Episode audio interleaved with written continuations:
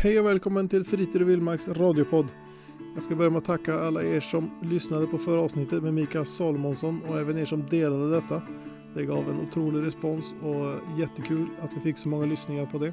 I detta avsnitt kommer jag prata med P. Åhlén som är viltbiolog och även jägare om eh, hans arbete med invasiva arter såsom mårdhunden, minken, bisamråttan, nilgåsen och även andra raser över hela världen. Vi går även in på Nordic Lockpiper som han var med och grundade, vad som försiggår där nere i lockverkstan, vad som är på gång och ja, lite andra kul jaktrelaterade saker. Så eh, lyssna gärna på detta avsnitt och dela det om ni gillar det. Så kör vi igång!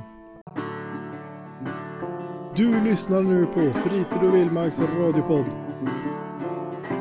En podd för alla jakt och fisketokiga. Direkt uppifrån Norrbotten.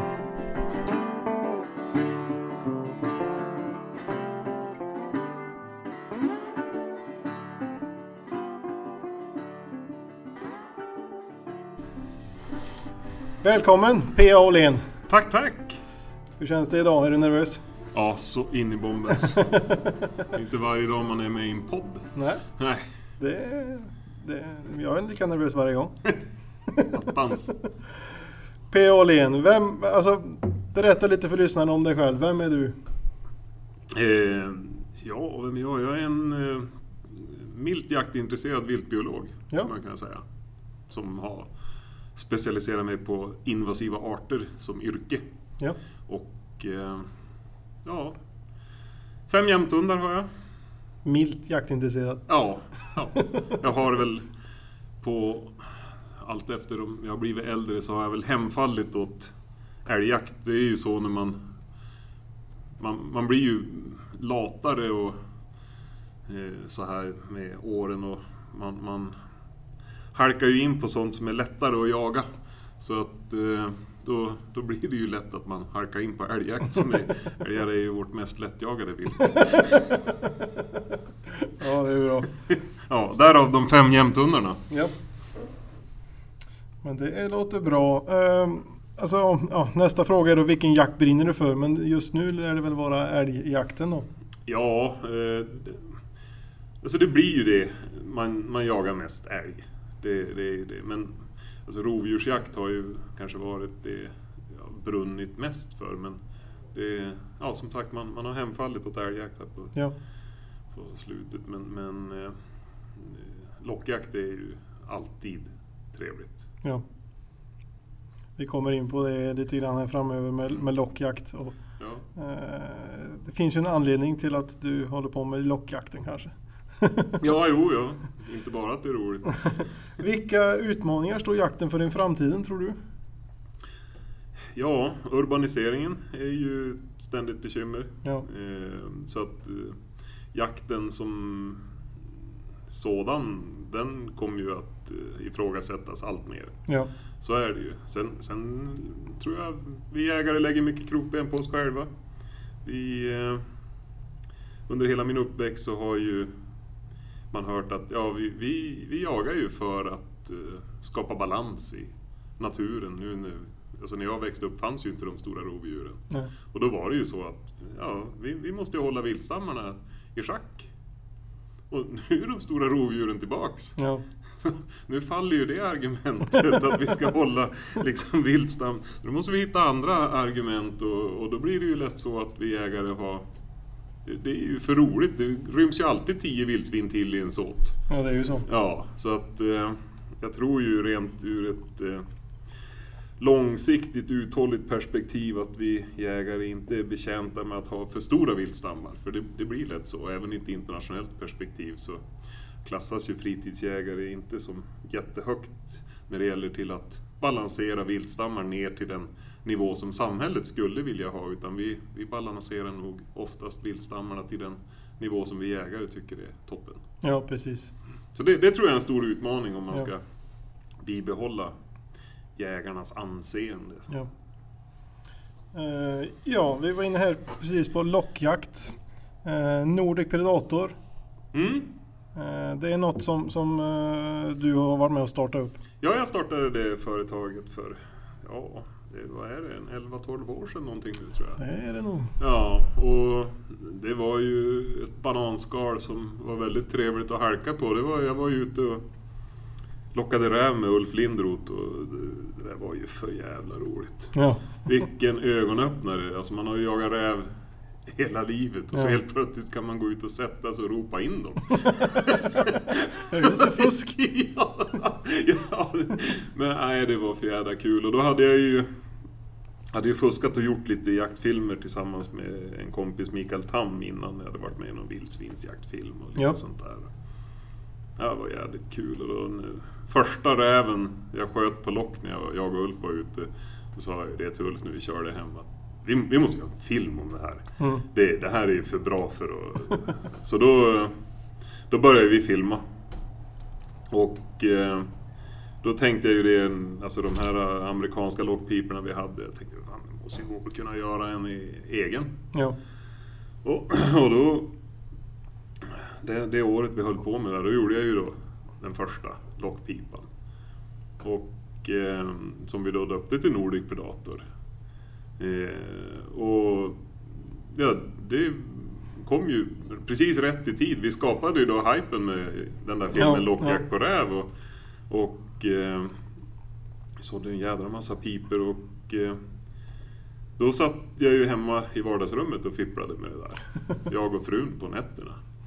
Eh, och eh, så här i backspegeln så är det intressant för att Idag är det fyra heltidsanställda på företaget då, som heter Nordic Predator tack vare att det var första Ja. lock, när företaget fick heta som första lockpipan. Och idag har vi 18 olika lockpipor i produktion och säljer till 28 länder. Det är bra gjort. Det är riktigt bra gjort. Ja, det är, det är faktiskt jädra jättekul och man tittar på Hertsånger, Ånäset där jag bor. Mm. Där, alltså, ett företag med fyra anställda, det är ju in, inget stort företag någonstans i Sverige, men, men i den avfolkningsbygd vi bor så är det faktiskt. Ja. Eh, Det är, eh, det är ju fyra familjer. Ja, alltså finns det, om man, om man räknar nu predatorpipor då som är basen. Om man, finns det något företag idag som har ett större utbud av predatorpipor? Ja, överligen. Det gör det. Ja, på amerikanska.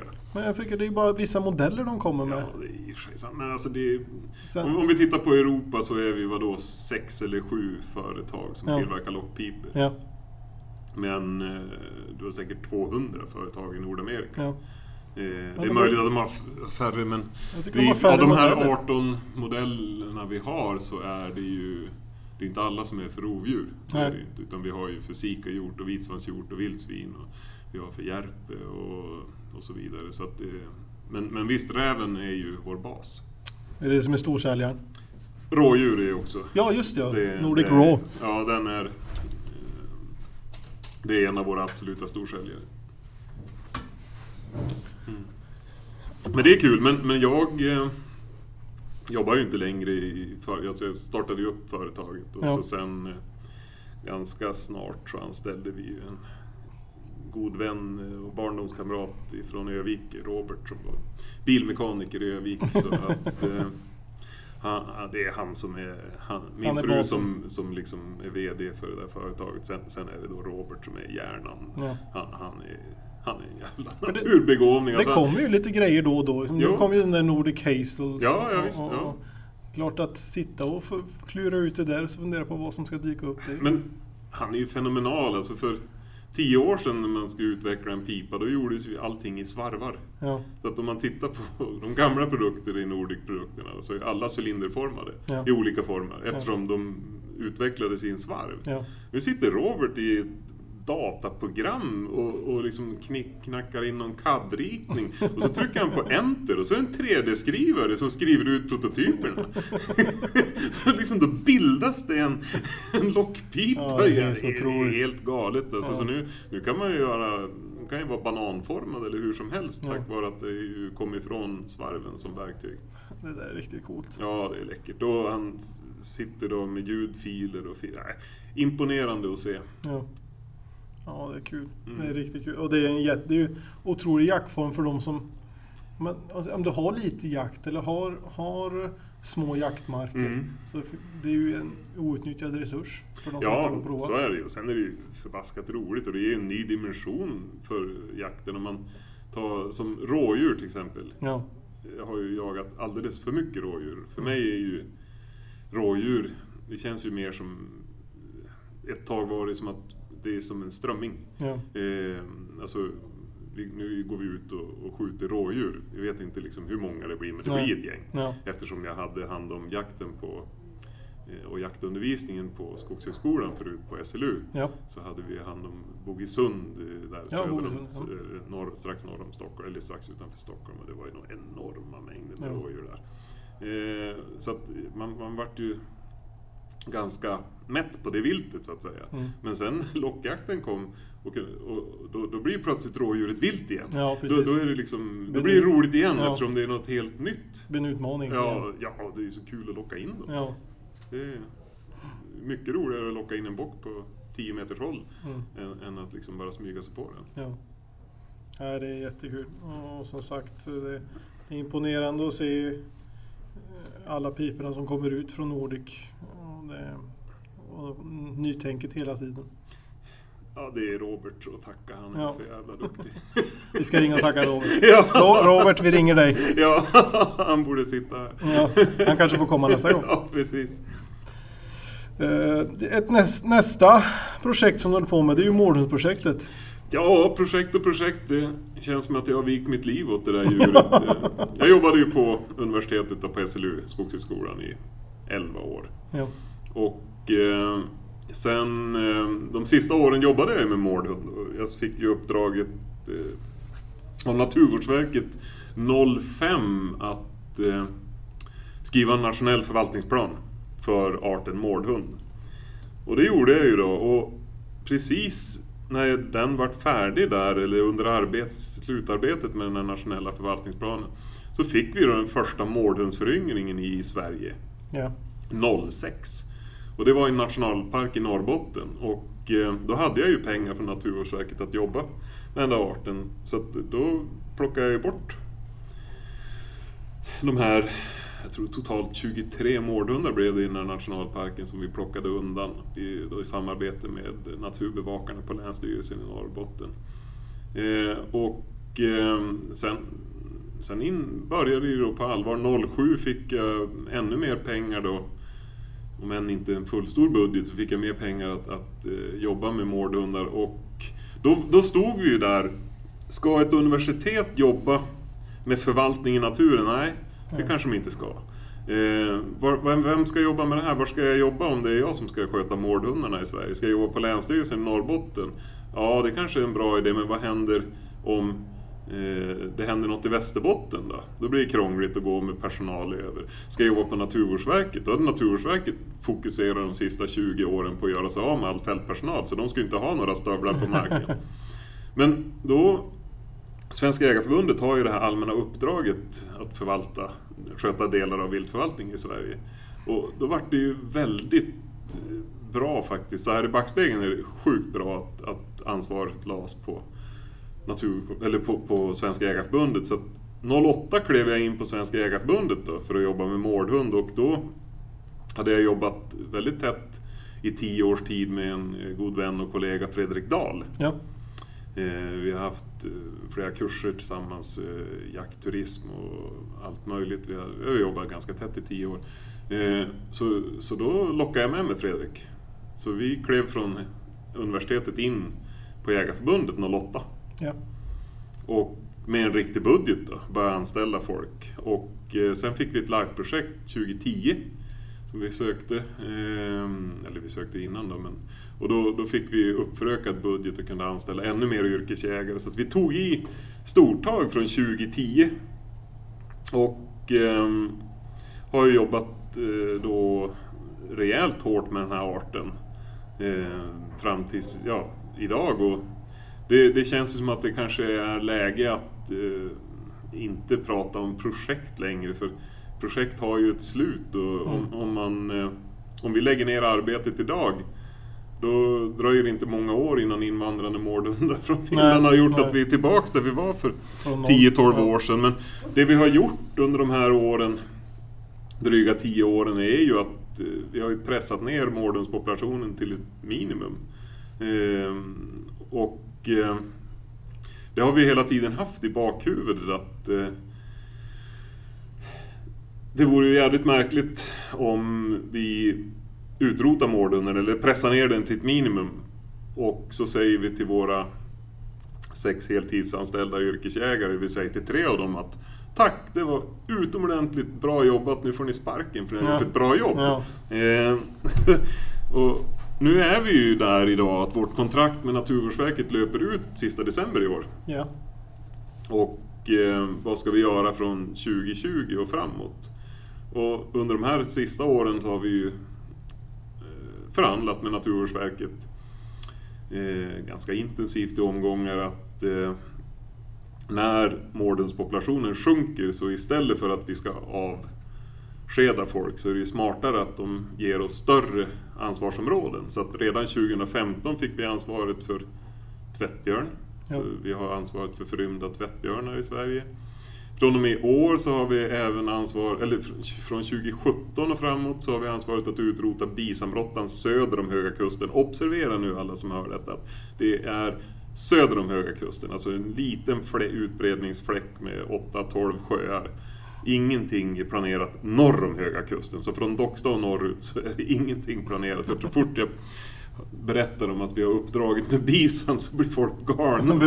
Miljontals hektar i norra Västerbotten och norra Västernorrland. Ja. som Det skulle liksom kosta enorma pengar. Utan det, det handlar om en liten fläck där söder om Höga Kusten. För att hindra att de når södra Sverige och, och ger stora ekologiska skador om 50 till 80 år. Så Ja. det är bara nu man kan göra någonting. Men bisam fick vi redan 2017 och från och med i år då så har vi även ansvaret för att utrota nilgås ur Sverige. Vi har ansvaret för de, ja, alla viltarter. Förrymda eh, exotiska ekorrar.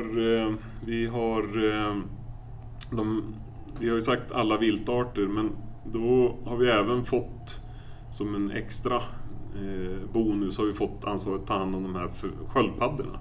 Eh, Sköldpaddor? Ja, och, och det, logiken i det är ju att om, om vår personal, någon av mina yrkesjägare, kör ifrån norr eller Västerbotten ner till Skåne för att skjuta en nilgås så kan de ju likväl stanna och skjuta en sköldpadda i, i någon pöl Ja. när de ändå är i Skåne. Va? Ja. Det, det blir ju istället för att eh, som, som det är nu har ju Mårdhundsprojektet har ju de sista tio åren kostat ungefär 8 miljoner per år Ja. för en art. Ja. Men nu är det så få mårdhundar. Eh, men nu hanterar vi kanske åtta eller elva Ja. arter. Nu får Då de arterna på köpet. Ja, och då blir ju artkostnaden blir Ja. ju kanske 800 000 per år istället per, per art. Så det, är- det är ju smart och kostnadseffektivt. Så, att så, så kör vi året ut, så får vi se vad som händer från 2020 och framåt. Men mårdhundarna har vi ju stadigt eh, pressat ner de sista åren. eh, Och eh, Hur hade det sett ut om du inte hade gjort det? Ja, då hade vi haft runt 10-15 000 mårdhundar i Norrbotten idag. Ja. Om vi inte hade börjat där 06. Ja. Eh, så att eh, det, det vet vi. Alltså det hade varit Ja. över 10 000 mårdhundar i Norrbotten idag om vi inte hade börjat. Det är helt otroligt. Ja, och eh, nu är de ju så få så att nu, nu blir det fjärde året som vi måste köpa tama mårdhundar ifrån finska pälsfarmar Ja. och släppa ut för att täcka rekryteringen av sändardjur. Ja. Det vi klarar inte det helt och fullt att täcka.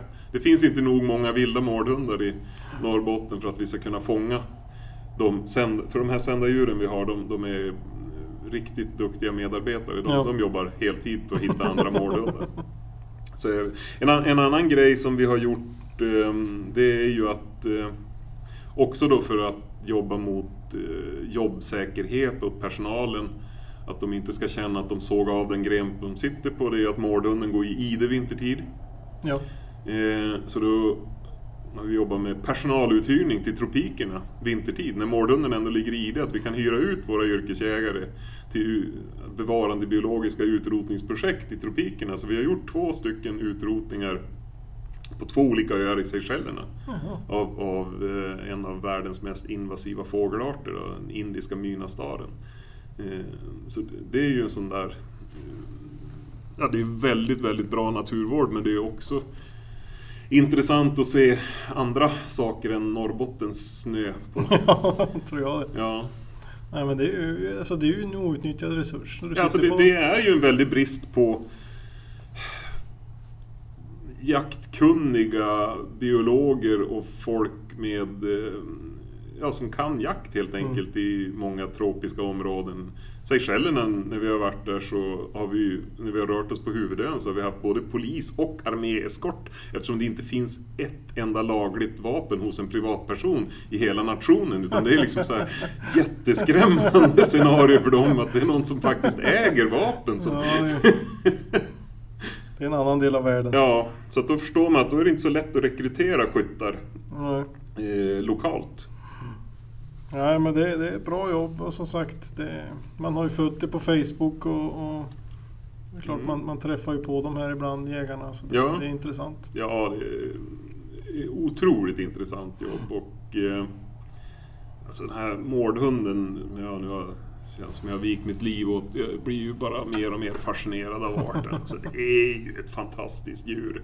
Jag hade ju hemskt gärna sett det i Ja. Kina eller Japan, där det hör hemma. Ja, ja. Här- ska den inte Nej, vara, va? nej. men, men, men eh, de, de är ju intressanta. Man, man, man, eh, man börjar ju tycka mer om den eftersom det går. va. Men, men det är fortfarande det är, det är ingen bra idé att låta den etablera Nej, sig i nej. Sverige. Även fast den ser väldigt trevlig ut och som, och som jaktbart vilt så är det ju ingen grej egentligen. Alltså den, den, den är inte någon direkt eh, jaktlig utmaning. Nej. Alltså det, de är lite för lättjagade.